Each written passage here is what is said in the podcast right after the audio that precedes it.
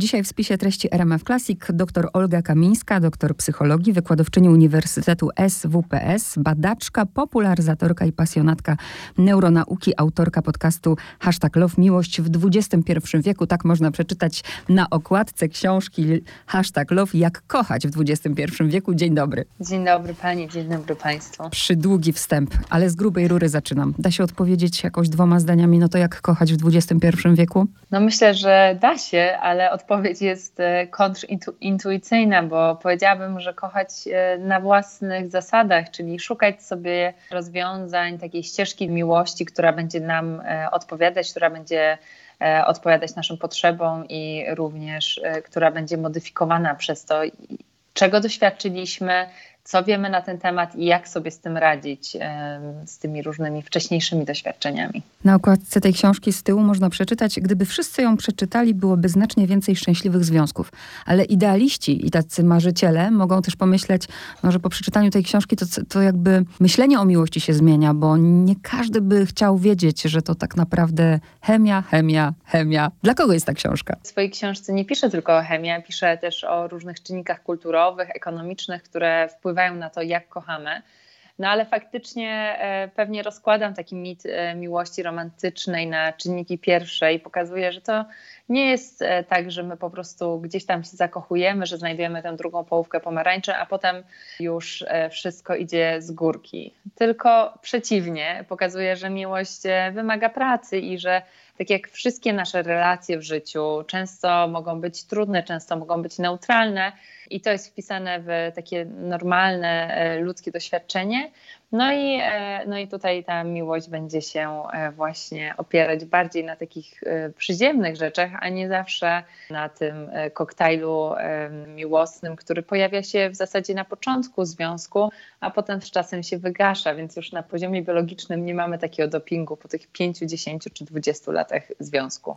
Właśnie i tak, co się dzieje w mózgu? Co to za koktajl? Tak, no to na początku, w tej pierwszej fazie, powiedzmy już e, kiedy mija taki etap poszukiwania, pożądania, jakichś tam samych początków, tak, poznawania tej e, drugiej e, osoby, no to wchodzimy w fazę zakochania. No i dobrze to znamy, jak sobie sięgniemy pamięcią do tych początków naszych związków, no to to jest taki czas, kiedy my, można powiedzieć, mamy obsesję na punkcie drugiej osoby, możemy nic nie robić, nie jeść, nie pić, nie spać w zasadzie, ale też strasznie trudno jest nam e, zebrać myśli, bo wszystkie procesy są ukierunkowane na, na właśnie tego człowieka, w którym się zakochujemy e, co e, może być męczące oczywiście w perspektywie długofalowej, ale jednocześnie przynosi nam niezwykle dużo przyjemności, bo działają na nas endogenne opioidy, czyli takie substancje, które sprawiają, że czujemy się dobrze, że czujemy przyjemność, e, też mamy większą odporność na ból w tym e, czasie. Tak jakbyśmy trochę byli pod wpływem substancji psychoaktywnych, tylko że tutaj one są właśnie wytwarzane e, wewnętrznie przez nasz organizm i, i działają na nasz mózg. I rzeczywiście lubimy chyba najbardziej te początkowe etapy. One nie zawsze są przyjemne, bo czasem jak się kogoś nie widzi, nie wiem, trzy godziny, to jest jak trzy lata. Ale porozmawiajmy o tym etapie przywiązania już jak podgrzewać tę temperaturę, żeby była, bo często jest tak, że tak, walentynki, które się zbliżają, czekoladki, romantyczny film, no teraz nawet do kina nie można nikogo zaprosić, chociaż kina się otworzyły, ale wiadomo w, w, jakim, w jakim zakresie i tylko małe. No i na przykład po takich walentynkach mężczyzna, no zrobione, czekoladki dostałaś, film obejrzeliśmy, załatwione. No tak, dokładnie. I tak często właśnie e, wiele, wielu i wiele z nas ma coś takiego, że kiedy mija ta faza tej intensywnej, takich e, fizycznej miłości, no to mamy takie poczucie, że albo to już nie jest to, albo no po prostu e, trzeba się z tym jakoś tam pogodzić, że jest tak bardzo neutralnie, bardzo spokojnie.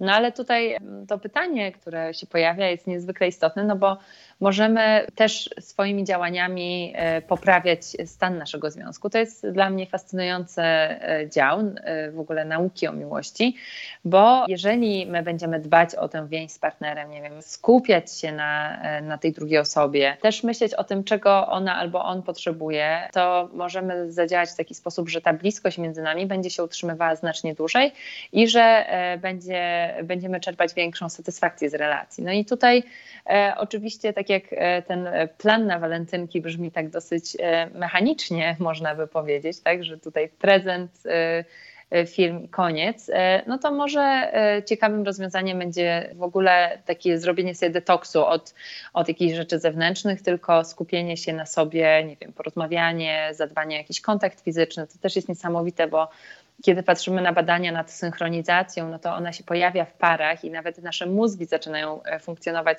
w podobnym e, rytmie, że tak powiem. I dzieje się to wtedy, kiedy wejdziemy w taki głębszy kontakt ze sobą. Może to wynikać z kontaktu wzrokowego, z kontaktu cielesnego, z takiego bardziej atencyjnego zwrócenia się na tą drugą osobę. Pewnie nie ma jednoznacznej odpowiedzi na to pytanie, bo są tacy, którzy poszukując tej, tej połówki swojej, patrzą na to, żeby ona była właśnie jak, naj, jak najbardziej podobna, że, żeby były te same zainteresowania, że lubimy te same książki, te same filmy, a inni wręcz odwrotnie, że tylko przeciwieństwa się przyciągają. To jest e, bardzo e, ciekawe pytanie, bo w takim micie ludowym często się o tym mówi, że te przeciwieństwa się przyciągają, ale badania jednak sugerują nam, że im bardziej jesteśmy do siebie podobni, tym jest nam łatwiej. Pod takim względem, że mamy na przykład wspólne wartości. No wiadomo, że y, w związku, w którym na przykład pojawia się dziecko, one zaczynają znacznie mocniej wybrzmiewać i tutaj y, brak zgody czy brak spójności w tych poglądach może przekładać się na rosnącą liczbę konfliktów, co możemy powiedzieć, konflikty w związkach są dobre, ale jeżeli one zaczynają swoją liczbą przewyższać liczbę pozytywnych interakcji, no to to już jest takim jednym z sygnałów, które świadczą o tym, że ten związek może się gdzieś tam rozpaść. Więc różnorodność y, też w pewnej dozie jest oczywiście atrakcyjna. W ogóle robienie różnych rzeczy osobno to jest taki czynnik, który może wpływać na nas pobudzająco, aktywizująco. To też jest tak, że ta sytuacja, z którą się teraz mierzymy w, w czasach pandemii, że spędzamy z, ze swoim partnerem czy partnerką bardzo, bardzo dużo czasu razem, no to e, może sprawiać, że zmniejsza się nasze zainteresowanie tą osobą, no bo w zasadzie mamy takie poczucie, że nic się nie wydarzyło, nie wiemy do końca o czym opowiadać, no bo wszystko dzieje się razem, tak? Więc powiedziałabym, że e, robienie rzeczy razem jest bardzo cenne, robienie rzeczy osobno również, ale e, jeżeli chcielibyśmy zbudować związek z kimś, kto jest diametralnie od nas różny, to może to nam przysporzyć dodatkowych trudności. Dla mnie właśnie tak prywatnie jest bardzo ważne, żeby mieć jak, jakąś swoją przestrzeń i mieć wspólną wspólną przestrzeń.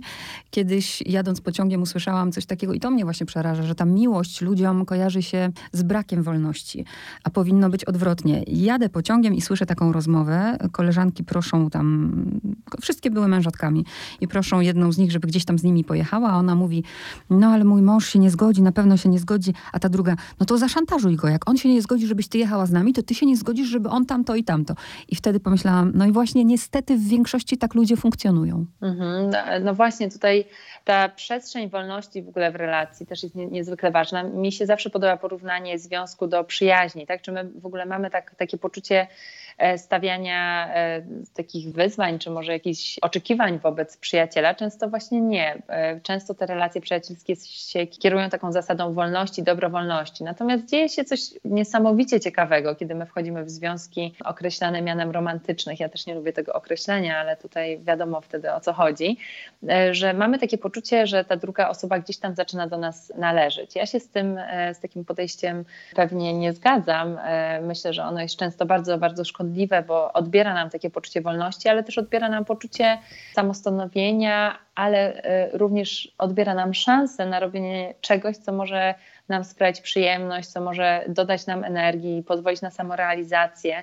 Więc tutaj zachęcałabym takie pary do rozmowy i do tego szukania e, zrozumienia i poczucia bezpieczeństwa w związku, e, bo często taka zaborczość pewnie wiąże się z tym, że mm, jest jakiś problem związany ze zazdrością czy z brakiem zaufania. I tutaj warto e, to prze, przegadać, zastanowić się, jakie są tego źródła i też nie ulegać do końca tej wizji partnera czy partnerki, który chce być taki zaborczy, czy która chce być taka zaborcza i wypracowywać e, rozwiązania, bo pamiętajmy o tym, że związki nie są nam dane raz na zawsze. To nie jest tak, że ten okres zakochania już definiuje relacje przez resztę życia.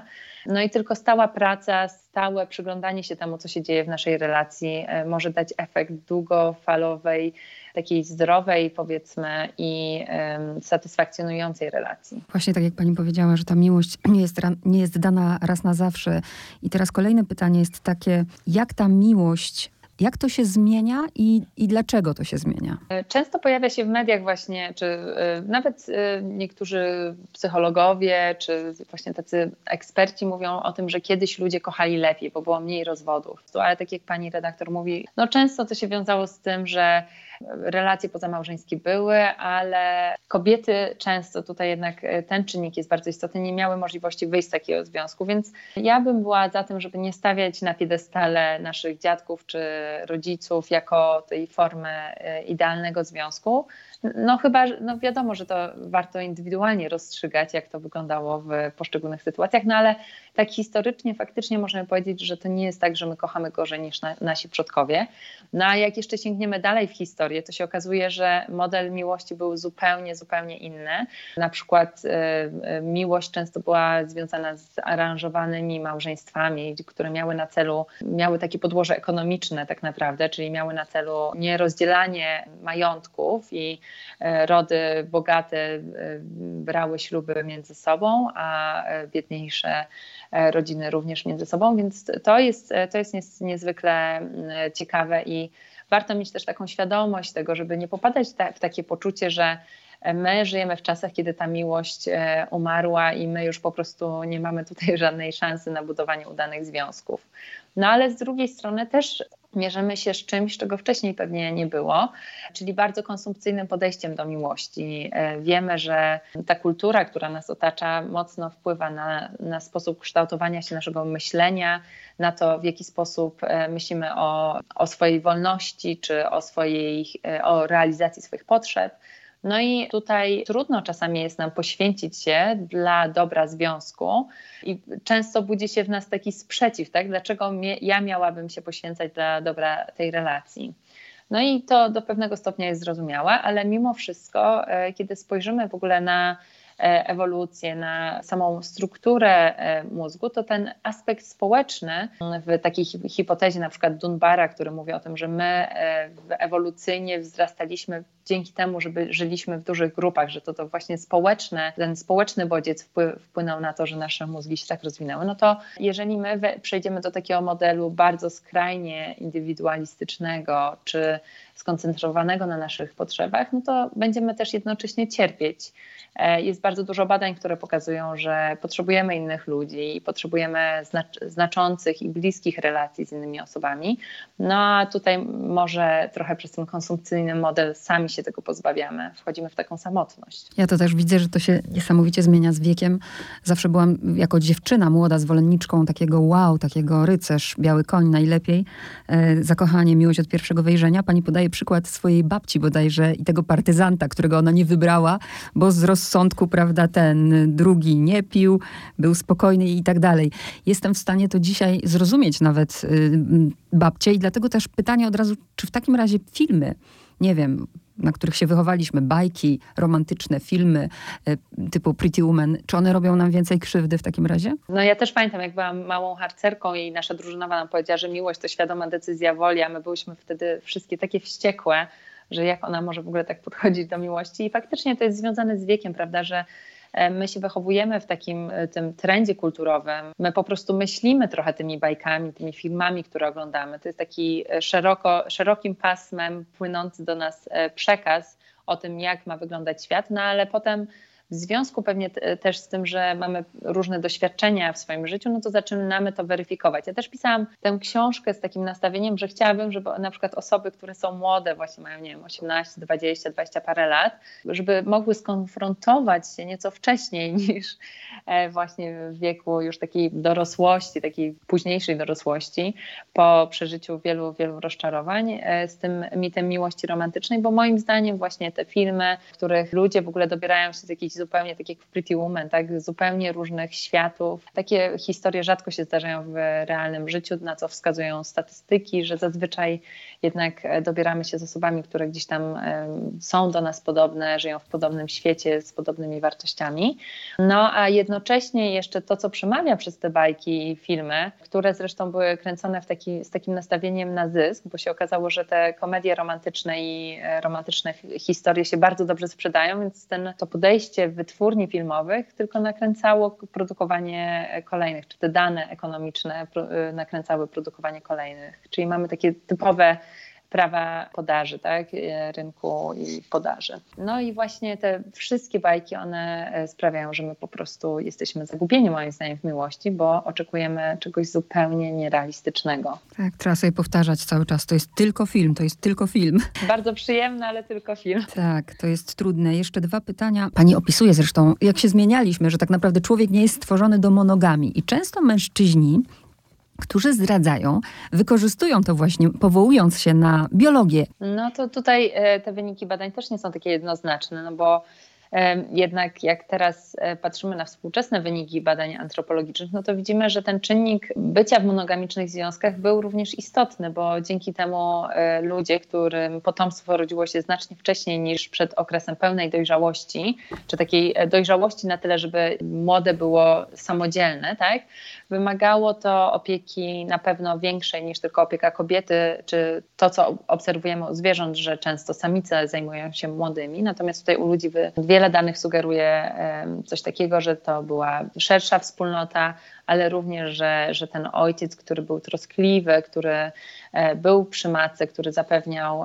zasoby, tutaj e, odgrywał bardzo istotną rolę dla przetrwania co e, potem w konsekwencji takiego doboru naturalnego sprawiało, że e, reprodukowani byli, e, były osobniki, tak, czy były osoby, które miały taką większą skłonność do wchodzenia w bliskie relacje. No i też jak patrzymy na aktywność mózgu, no to ojcowie również reagują na zdjęcia młodych w taki sposób bardziej emocjonalny, wydziela się oksytocyna, która jest związana z, te, z tym przywiązaniem. Więc, e, więc na pewno na tym biologicznym poziomie wiemy, że to nie jest, ta sprawa nie jest taka prosta, jak się wydaje, i że wcale nie jest tak, że ci mężczyźni byli tylko na polowaniu, to był jakiś tam etap w historii.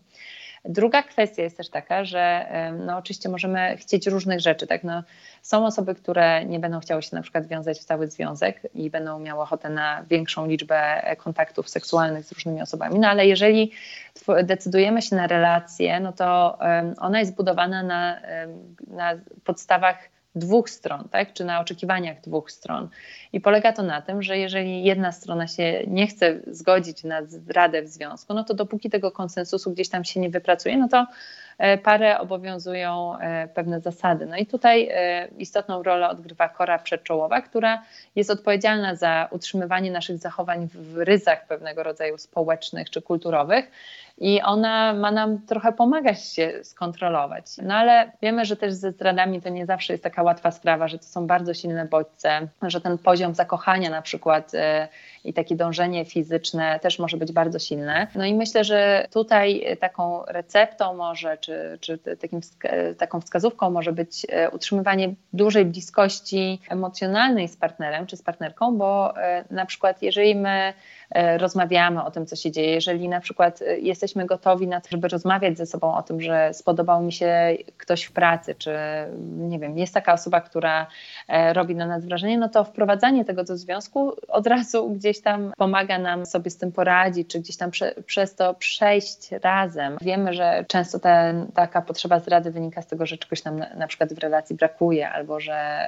że właśnie nie czujemy bliskości z drugą osobą, tak? I, i szukamy tego gdzieś poza związkiem. Jak pani powiedziałaś właśnie, że napisała tę książkę, żeby ci młodzi ludzie już mieli wcześniej tę wiedzę, to tak pomyślałam, czy to nie jest tak, że każdy się musi sparzyć, poprzeżywać, pocierpieć, ale z drugiej strony fajnie, że właśnie jest taka możliwość. No ja też tak trochę myślę, że to jest naiwne oczywiście, bo kto z nas lubił słuchać e, rad e, osób dorosłych, jak byliśmy młodzi, ale z drugiej strony mam takie poczucie, że mało jest takich informacji płynących do młodych osób, które pokazują pewne mechanizmy, tłumaczą, że na przykład ten model właśnie miłości romantycznej, on jest oparty na, na tym konsumpcjonizmie czy na przyjemności, tak? I że to, to się w długofalowych relacjach nie, sp nie sprawdza. Albo na przykład że biologicznie ta faza zakochania się wypala.